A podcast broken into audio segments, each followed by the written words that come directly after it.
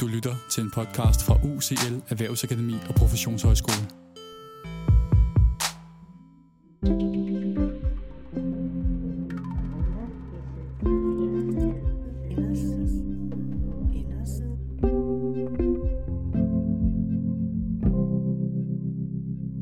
Velkommen til øh, Indersiden med Mads og Margrethe, som er produceret af redaktionen på UCL Erhvervsakademi og Professionshøjskole Pædagoguddannelsen.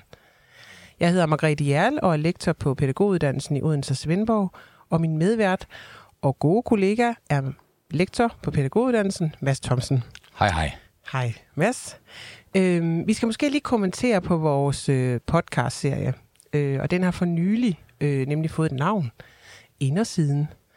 Øh, vi blev en del af en større sådan, redaktion, øh, podcast-serie på, øh, på pædagoguddannelsen. Og Indersiden har er en serie af podcast, øh, som undersøger og belyser og forsøger at nuancere forskellige sådan, tematikker og problematikker, og også glæder i det pædagogiske arbejde. I øh, vores sidste podcast, der havde vi øh, besøg af Elisa Rimbler, formanden for øh, BUPL, øh, hvor vi talte om det her med at blive og være en øh, god pædagog. Øhm, og i dag så har vi faktisk inviteret en af de rigtig gode pædagoger ude fra praksis her ind i studiet, nemlig dig, skole- og fritidspædagog og fælles tillidsrepræsentant for skolepædagogerne her i Odense Kommune, Henrik Brandt Rasmussen. Øh, og vi skal snakke om det her med pædagoger i praksis, og særligt det, som jo handler om pædagoger i skolen. Så øh, velkommen til. Jo, tak. Henrik, vil du starte med at præsentere dig selv lidt mere, end, øh, end det, jeg nu lige har sagt her? Ja, det kan jeg godt. Øhm, jamen, de sidste øh, små otte år har jeg arbejdet som, øh, som fælles repræsentant, fællestilsrepræsentant, som du siger. Øhm, og øh, på den måde har jeg egentlig et ret stort øh, indblik i, hvordan det foregår øh, på de, i hvert fald på de 34 orientanske folke- og specialskoler. Øh, Udover det, så sidder jeg også i BUPL Fyns øh, bestyrelse, og har også øh, tidligere siddet i øh, BUPL's øh, landsdækkende bestyrelse, så jeg har sådan et rimeligt øh, bredt kendskab til, øh, hvordan det foregår på området.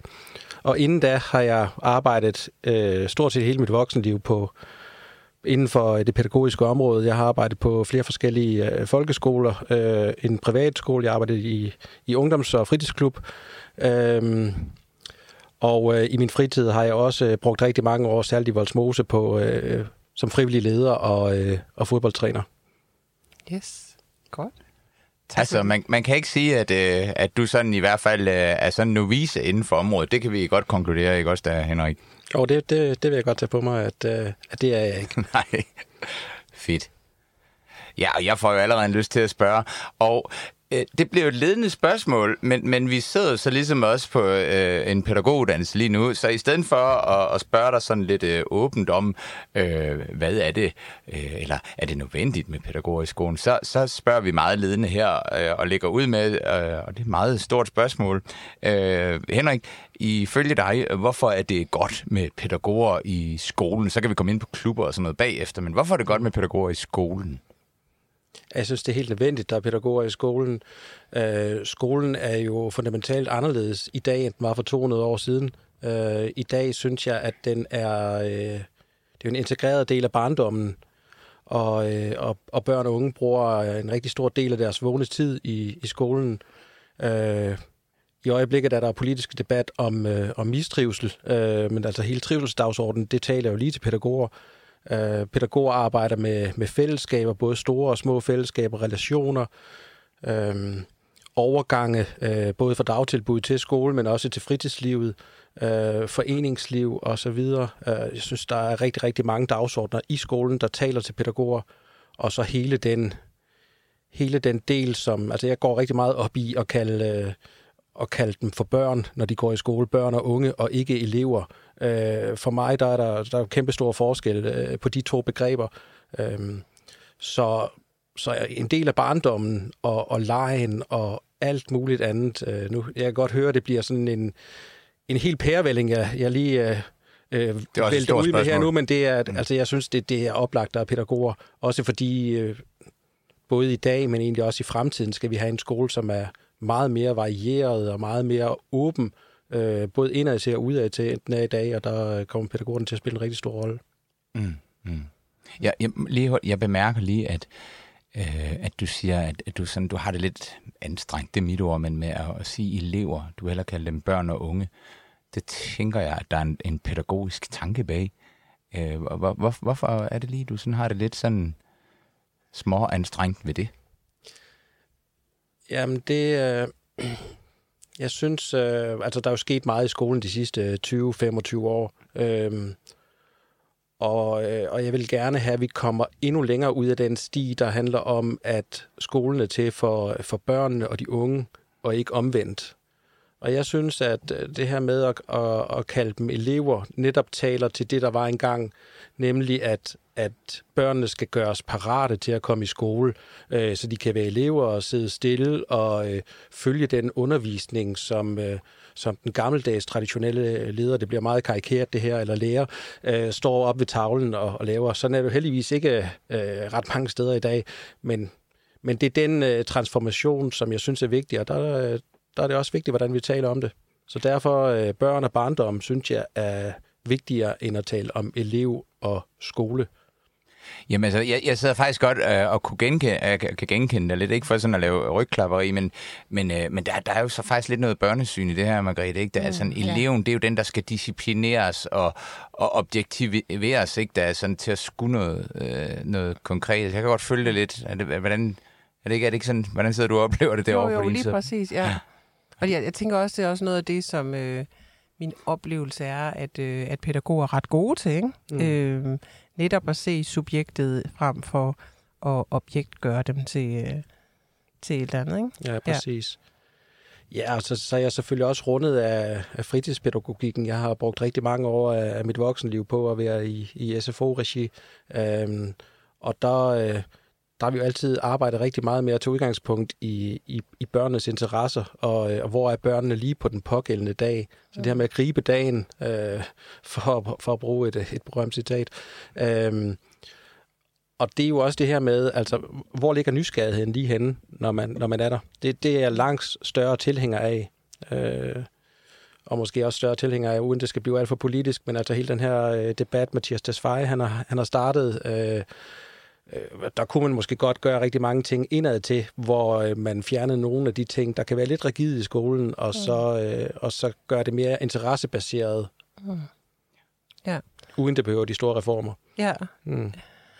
Og, øh, og nu nævner du lige fritidspædagogikken, øh, og siger, jeg, jeg tænker, det er noget det, du tænker, der er det vigtige ved det, det du fremhæver her. Ikke? Men, men vil du lige prøve at sige noget mere om, hvad du tænker, at fritidspædagogikken indeholder, og hvad, der, hvad du synes er vigtigt? Mm. Ja, altså fritidspædagogikken traditionelt har været meget at have respekt for børnenes øh, frie tid. Øh, et frirum, hvor, øh, hvor man jo typisk kunne komme efter skole og, øh, og lave lige, hvad man havde lyst til, og uden at være bundet op af, at man skulle øh, præstere øh, noget specielt, eller noget, der var øh, planlagt forud af de voksne. Øh, hvor, øh, hvor man som pædagog mere var sådan stilaset, der stod bagved og faciliterede rammerne omkring det, og så øh, havde man den her trygge base, som børnene så kunne vende tilbage til, når de havde været ude og være nysgerrige på verden. Øh, jeg synes jo noget af det, der var øh, mega spændende, da, da skolereformen kom øh, tilbage i, øh, i 2013, det var, at man åbnede op for at få en mere øh, alsidig, anderledes øh, skoledag, og der så jeg rigtig mange muligheder for pædagogerne. Øh, man kunne komme ind og nedbryde nogle af de øh, traditionelle mønstre, der er i skolen. Øh, på alle måder, både hvordan man samarbejder på kryds og tværs, øh, men egentlig også, hvordan man har opbygget skoledagen. Øh, den er jo sådan meget rigidt opbygget med, at man møder på et bestemt tidspunkt, så har man nogle øh, timer af 45 eller 60 minutters varighed, så er der frikvarter øh, så kan man være på en skole, hvor der er 700 elever, øh, og så lukker vi alle sammen ud på det samme øh, begrænsede areal i en halv time til tre gårdvagter, og så kommer de ind igen. Altså, der kunne være nogle muligheder for at kunne gøre ting meget anderledes. Ja, tre gårdvagter, ikke? Altså, det, det er den gode der var der en gårdvagt, og så alle andre holdt pausen, og der var størst brug for dem, ikke? Ja, ja det er morsomt. Ja, men det, men, men det er sådan egentlig et meget godt billede på det der med, kunne man gøre noget, der var anderledes. Øh, og så har der været alle mulige ting, som har talt for, øh, at reformen kunne, øh, kunne lykkes, så der har også været nogle ting, der har, øh, der har talt imod, og noget, man ikke er kommet i mål med. Det er jo så også derfor, man ser, at nu nu reviderer man øh, nogle af elementerne igen.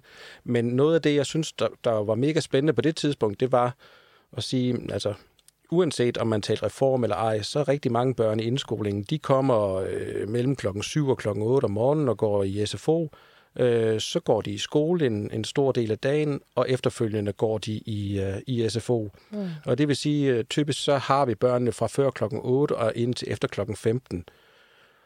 Og så synes jeg selvfølgelig, det er super fedt at kunne sige klokken 12, så er de i SFO, og så har man dem i rent regi, om man så må sige.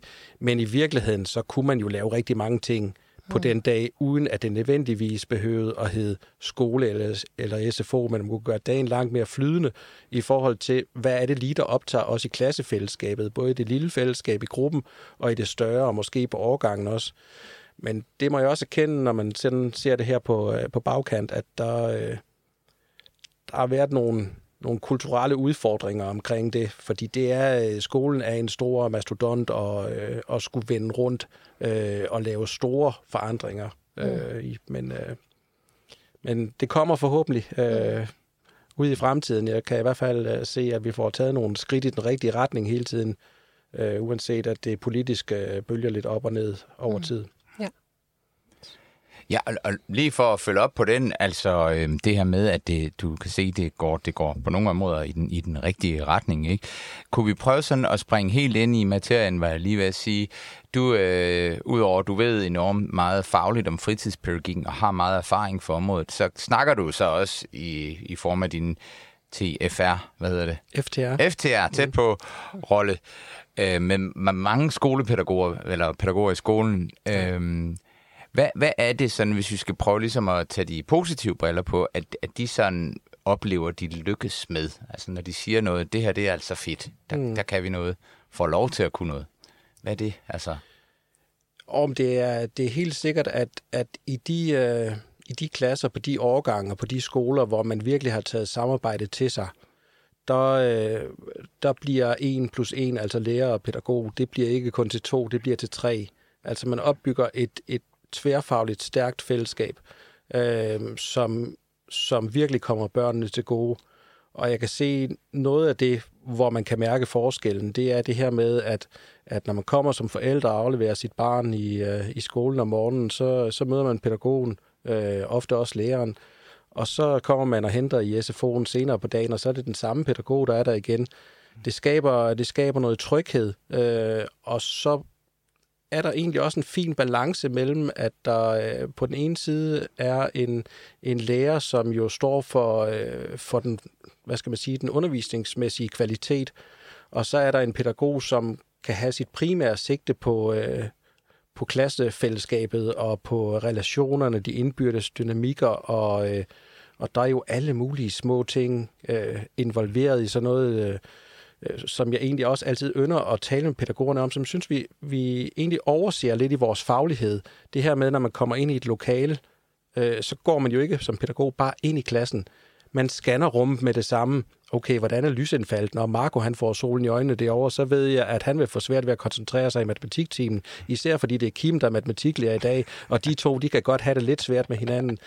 Øhm, så er der to, der sidder ved siden af hinanden, og Lauras mor og far, de er lige blevet skilt de sidste uge, og de har også noget, at der er så mange ting på spil. Mm. Og hvordan er det lige, at de dynamikker er derinde? Og jeg ser så mange eksempler på, at pædagogerne er så fine til at komme ind, og i virkeligheden, mens lærerne er i gang med at undervise, stille og roligt lige rykker rundt på nogle små ting, trækker gardinen for, øh, får lige rykket en et andet sted hen og sætter sig det helt rigtige sted, øh, og får hjulpet øh, øh, øh, børnene på plads. Mm. Øhm, og også taget hånd om de der dynamikker, der kan være, øh, være undervejs. Det, det synes jeg egentlig er en ting, vi underkender lidt ved vores faglighed. Mm. Det her med, at vi træffer tusindvis af beslutninger hver eneste dag, store og små, mm. og vi fortæller ikke andre om det end os selv. Mm. Altså, det er kun os selv, der, der ved, at vi træffer dem. Så hvis man kigger udefra, så tænker man, om de, øh, de sidder bare og læser højt ind i klassen, eller de spiller bare fodbold i hallen, men der er jo tusind overvejelser bag.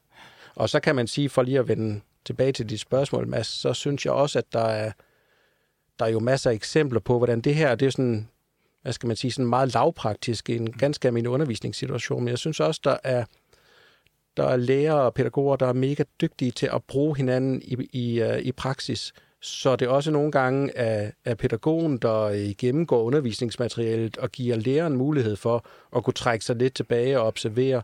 Øhm, også pædagogen, der kan køre nogle forskellige forløb. Jeg har særligt set, at, at de her... Øhm, de her timeløse fag, som jo også er i folkeskolen, seksualundervisning, øh, familiekundskab osv., osv., altså det er jo oplagte øh, fag, som pædagogerne kan tage sig af, der går på tværs. Mm. Der er også mange, der har lavet nogle rigtig spændende forløb. Så øh, ja. Mm. Og, og, altså, og det er så sjovt at høre, altså det her, du pointerer med, at der er så mange ting, der er svært lige at rise op. Der er bare ligesom mikrohandlinger, kunne man også kalde dem, pædagogen øh, gør. Altså, og det, Altså, jeg, jeg kender det fra mit eget arbejde med børn, der, der kæmper med ufrivilligt skolefravær, hvor, mm. hvor når, ligesom jeg, altså, når der er en pædagog til stede, altså jeg møder rigtig mange søde læger og sådan noget, men de har også noget andet, de skal tage sig af. Mm. Så det der med, at altså, det har jeg jo hørt fra nogle af de øh, børn og forældre, jeg arbejder med, de siger, jamen altså det her med, at pædagogen lige har øje på øh, Niklas, og Niklas er ikke en, der larmer, han er en, en, en stille en, og det er der ikke noget galt med, men at, at pædagogen, som han er meget tryg ved, eller, eller som, øh, som hun er meget tryg ved, lige kan komme over og bare lige sige, øh, det er okay Niklas, nu skal vi hygge os.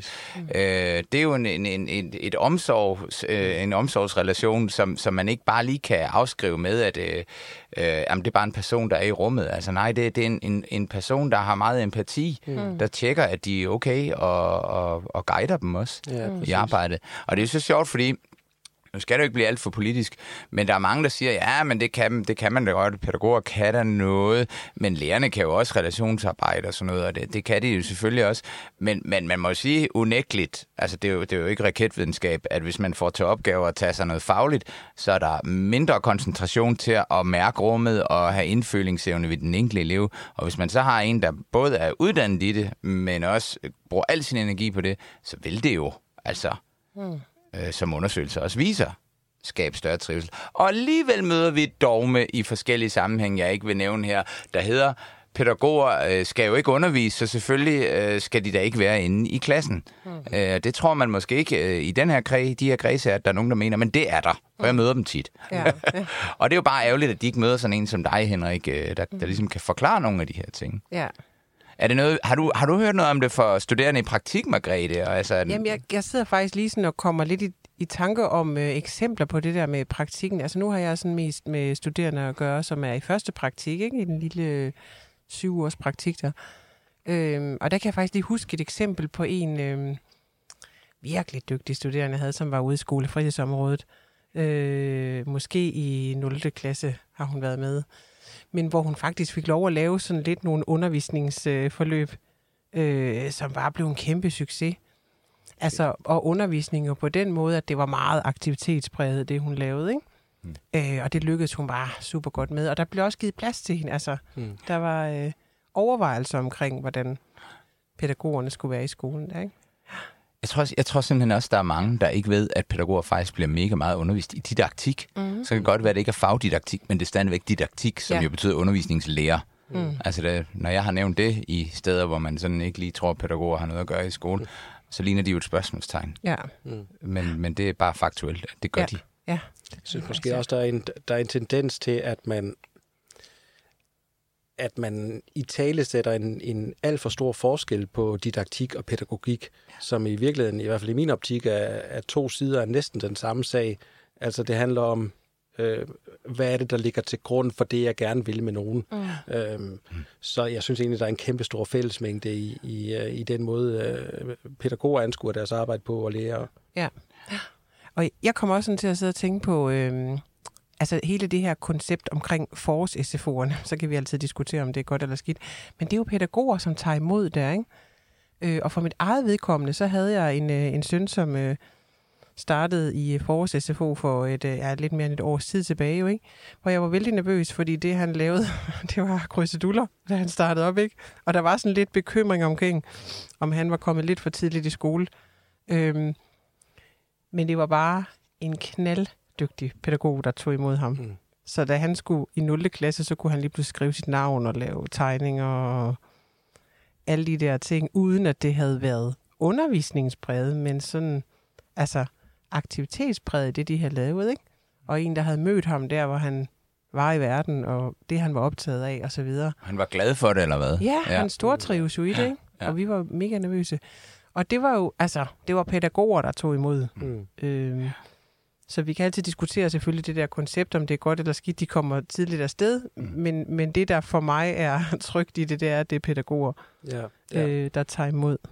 Ja, altså omsorgsdelen, ikke? Og mm. det, det glemte jeg måske også før i, i dit spørgsmål om, hvad er det pædagoger er gode til i skolen. Altså hele den her øh, øh, konfliktløsningsdel. Øh, vi oplever jo særligt, jo, jo yngre børn er, øh, sådan mange spontane konflikter, men også... Øh, intriger er måske det forkerte ord, men der bliver hurtigt noget på spil, når, når man i grupper er mere end en eller to.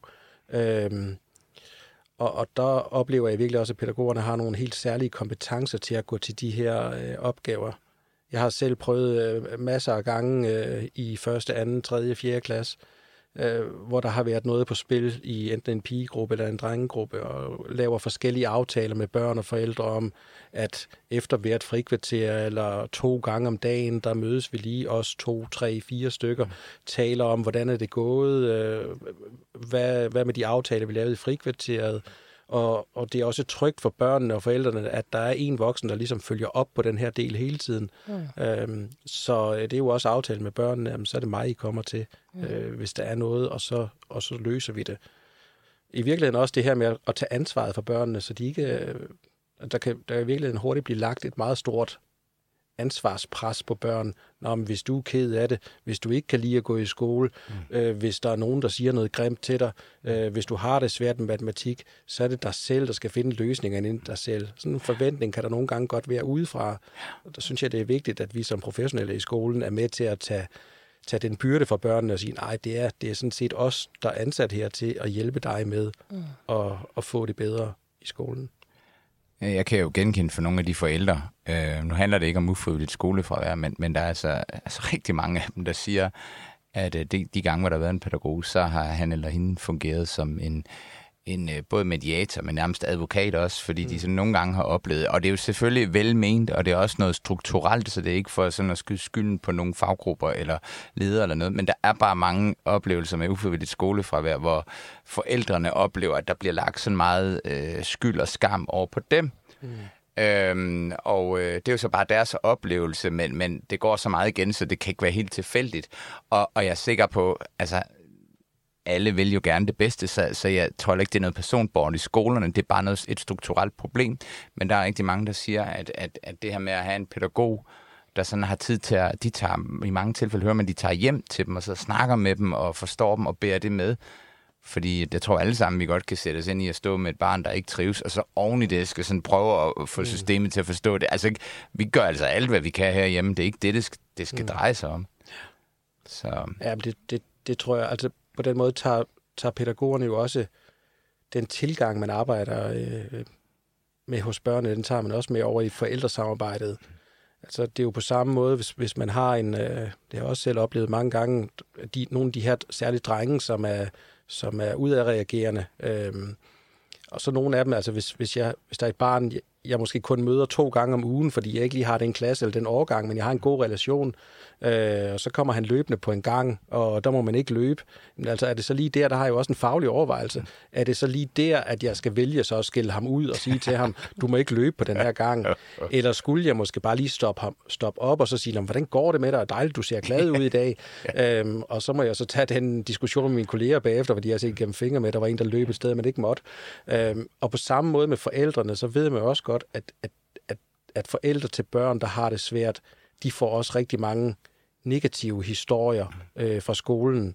Så der har man jo også en snak om, i, øh, i hvert fald i pædagoggruppen og i personalgruppen, hvordan møder vi lige de her forældre? Kunne det være, at vi lige skulle møde dem med et ekstra stort smil og, øh, og fortælle om, om de trods alt mange gode ting, der er sket i løbet af dagen, hvor deres barn er helt igennem dejlig og fantastisk. Øh, og så kunne vi tale lidt om nogle af de udfordringer, der er, og hvordan vi arbejder med dem.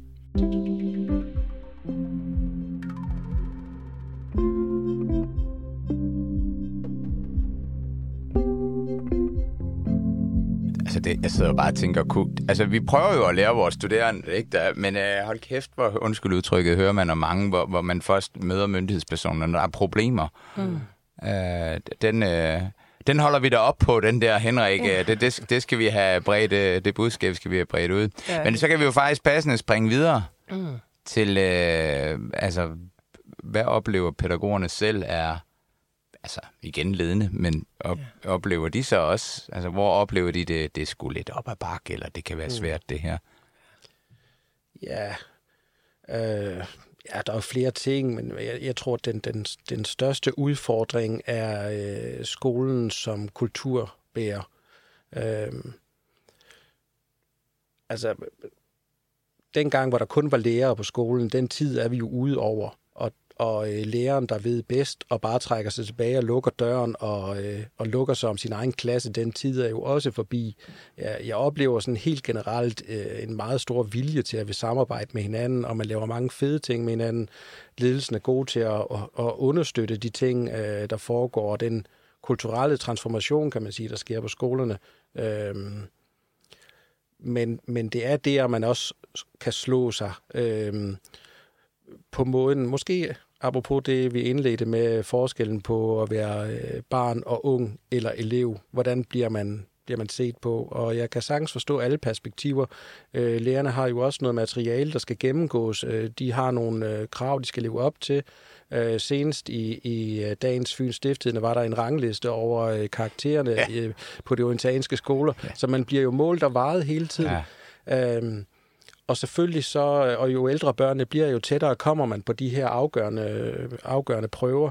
Øhm, så det har selvfølgelig et fokus, og der kan man, det kan jeg også godt se, hvis jeg stod i et, i et øh, traditionelt lærerperspektiv.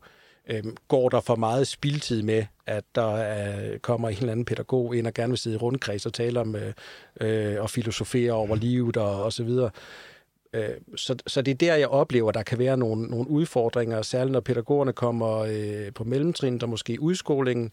Mange steder, man, øh, og det er vigtigt at sige her, øh, nu spørger du om, hvor man, hvor man oplever, at der kan være problemer eller udfordringer. Det er, det er en meget lille andel, okay. men, men der, hvor man kan opleve det, det er øh, ikke at blive anerkendt for sin faglighed. Og mm. jeg oplever måske også, selvom det tit er de fagligt stærkeste, man sætter øh, på mellemtrinnet udskolingen, fordi der er man tit som alene pædagog sammen med et helt lærerkollegie, øhm, så kan man godt blive udfordret på sin faglighed, fordi at man taler ind i noget, der er større og mere omgivende øh, om barnet, end kun lige de faglige ting. Mm. Og der skal man også være meget bevidst som pædagog og, og stå meget hårdt fast på sin egen faglighed, øh, og kende sin faglighed og, og turde stå ved den. Øhm, så de få steder, hvor det er, det ikke rigtig fungerer, der, det der bliver man trynet lidt på, øh, på sin pædagogfaglighed, og man har måske heller ikke helt den opbakning fra ledelsen, som man måske udefra set burde have. Og øh, uden at starte en helt anden debat, så, så er der jo også en overvægt af, af ledere på skolerne med en lærerbaggrund.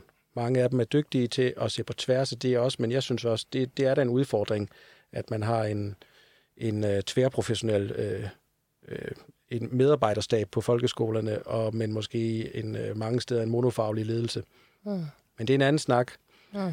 Nå, men det, det, er, det er da, altså, i enhver anden sammenhæng vil man da sige, det er logik, logik for burhånd, så der burde være en eller anden, i hvert fald nogenlunde proportionel repræsentation, mm. øh, uden man sådan skal detaljstyre det. Øhm, og jeg tror, der i Odense Kommune, det kan være, du ved det, Henrik, øh, men der, der er det, jeg tror, det er en pædagogfaglig leder, eller to, eller sådan noget, vi har i skolerne, uden, øh, uden at skulle nævne dem præcist. Ja, vi, ja, vi har faktisk... Øh, altså, tallet har været voldsomt nedadgående okay. i en del år, og det, det skyldes øh, dels også, at øh, før skolereformen, og så lige omkring skolereformen, så blev SFO-ledere og SFO-souschefer, som man kendte det fra tidligere, mere eller mindre udfaset. Og så øh, kom SFO'en, ledelse af SFO'en ind under en øh, afdelingsleder på skolerne, som rigtig ofte har været øh, med lærerbaggrund. Der var også set nogen, der var med, med pædagogbaggrund. Og så har det været svært for, for pædagogerne at, at, at få en fod indenfor i ledelsen. Øh, og jeg tror, ligesom ligesom debatten i det hele taget handler om. Det, det handler om at stå på hver sin side af døren. Mm. Altså dels er der jo nogen, der skal åbne døren for en, men øh, vi skal jo også som profession øh, turde tage skridtet ind gennem døren. Mm. Og der er der måske også nogle pædagoger, i hvert fald i en årrække tidligere, som har synes at det skridt ind mod ledelsen i skolen har været svært. Men jeg ser en positiv udvikling øh, efter den meget nedadgående kurve, hvor jeg vil tro, vi har en, øh, uden jeg lige har eksakt tal på det, så vil jeg tro, vi har en 10-14 øh, pædagogfaglige ledere på skolerne da op. øh, som afdelingsleder. Og så har vi faktisk også lige fået øh, på en enkelt skole i Odense den første pædagoguddannede skoleleder. Så det synes jeg faktisk også er værd lige at kippe med fladet for. Ja. Ej, jeg er da helt outdated her. Jamen, tingene er da ikke så sort, som, øh, som jeg umiddelbart troede. Det var, det var da dejligt. Går den rigtige vej. Ja, ja, ja. Yes. Jeg har lige et, øh, sådan en lille antagelse eller øh, sådan erfaringsting, men nu har jeg jo studerende, som er ude i praktik også i øh, skolefritidsområdet. Og noget af det, som jeg sådan bider mærke i, det er, at det er virkelig forskelligt, hvordan øh, de sådan oplever de praktikker i det. Altså det er det selvfølgelig alle praktikker, men, men det der med funktionen, pædagogen i skolen, er meget forskelligt alt efter, Mm. hvor de er i praktik henne. Øh, har man i Odense Kommune sådan nogen strategi for, hvordan pædagoger skal være pædagoger i skolen? Eller øh, er, der ikke, er, det, er det ikke sådan noget, man... Mm. Eller lader man det være op til, til den enkelte skole og beslutte, hvordan... Ja, det bliver sådan et øh, politikersvar, sådan lidt både og. øh, vi har faktisk for år tilbage øh, lavet øh, noget, der hedder Profil af en skolepædagog, øh, i et samarbejde mellem BUPL og Odense Kommunes skoleafdeling, hvor vi, øh, hvor vi har øh, lavet nogle praksiseksempler øh, på skoler, som har pædagoger med på de forskellige trin, øh, specialområdet også. Øh, hvad det er, at, at man sådan står på fagligt øh, som pædagog i skolen, og også øh, på bagsiden af det hæfte, øh, det blev til, øh, nogle dialogspørgsmål, som man kan have med hinanden på skolerne.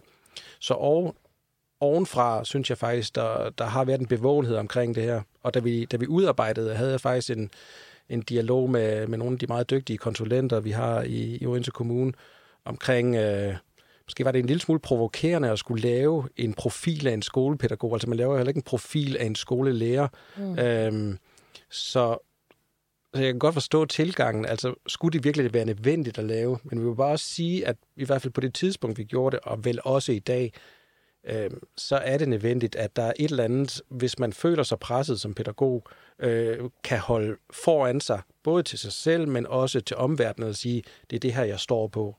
Mm. Og når jeg så sagde både og, så er det også fordi, når det så bliver praksis, så sidder man jo også øh, på den enkelte skole og med til at definere, øh, hvordan arbejder vi sammen her. Mm.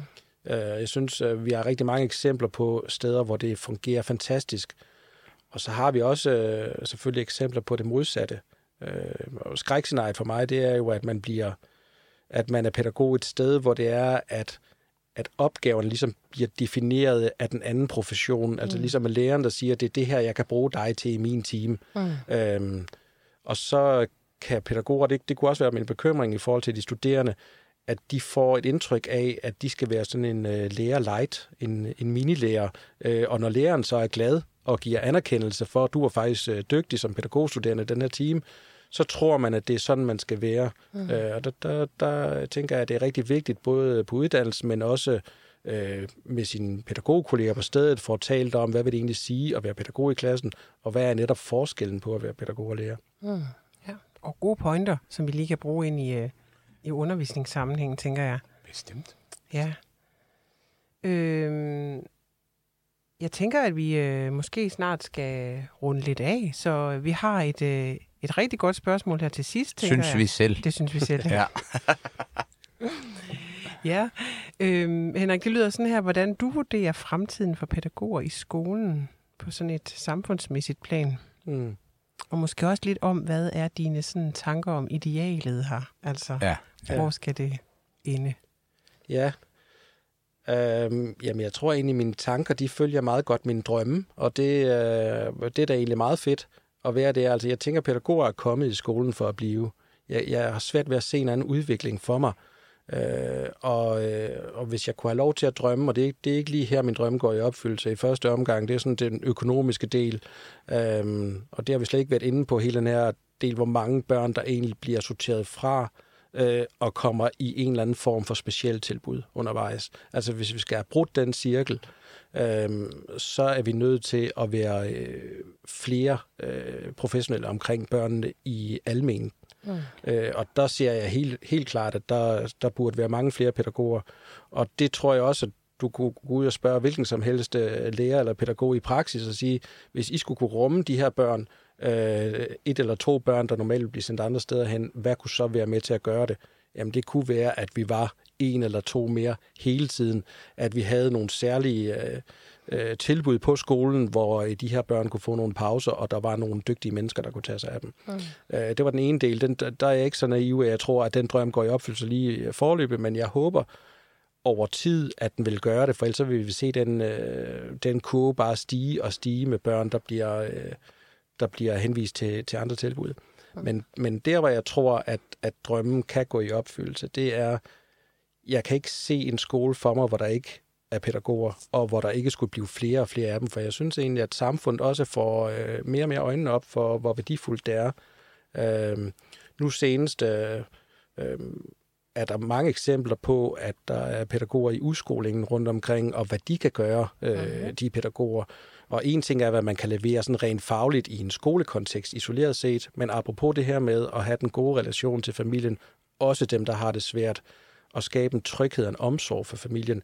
Tænk, hvis den samme pædagog kunne være med til at sikre en god overgang til en ungdomsuddannelse. Mm. Øh, netop fordi, at pædagogen måske som den eneste på skolen, fordi lærere og ledere jo har nogle krav og forventninger, man skal løbe op til, mm. men familien har ikke helt præcisionsfrit, men tæt på, kunne have den her relation til, til en pædagog gennem tiden. Så der er også noget af den personlige relation, der kan gøre, at det kan være lettere at komme over øh, i, øh, i erhvervslivet mm. øh, og i uddannelsessystemet. Ja. Så det tænker jeg helt klart.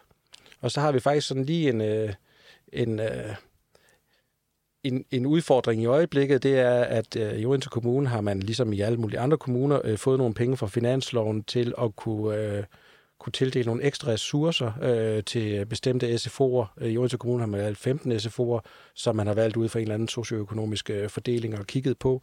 Øhm, og det er jo, det er jo målrettet øh, pædagogressourcer, eller i hvert fald ansatte i, i SFO'erne.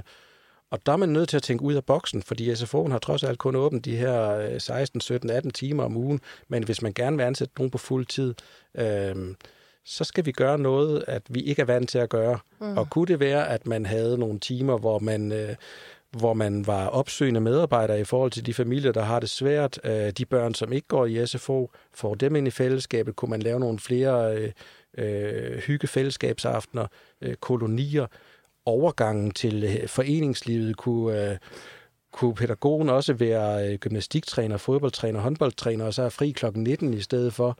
Altså, jeg kunne se masser af muligheder foran, øh, for mig, men det kræver også, at, at, man, øh, at vi som profession, og egentlig også som pædagoger i praksis, øh, lige tør øh, ryste bøtten og, og, og tænke anderledes. Men der er i hvert fald en, en åben invitation nu her til at kunne gøre noget, som ikke allerede er der. Så, ja.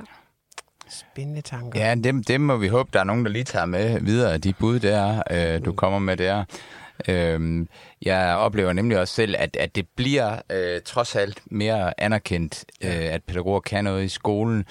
Øh, og hvis der er nogen, der skulle sidde og tænke, ja, men nu Henrik, han taler også sin sag, fordi han kommer derfra og så videre, så må vi jo også sige, at øh, der kom jo en, en ret stor forskningsrapport øh, op her i lige før sommerferien-agtigt. Mm. Jeg kan ikke huske den præcise dato af David Thor Grausen og Lea Ringskov, som du, øh, jeg kan huske, du lagde den selv op på din Facebook, som underbygger det her med, at pædagoger kan rigtig meget.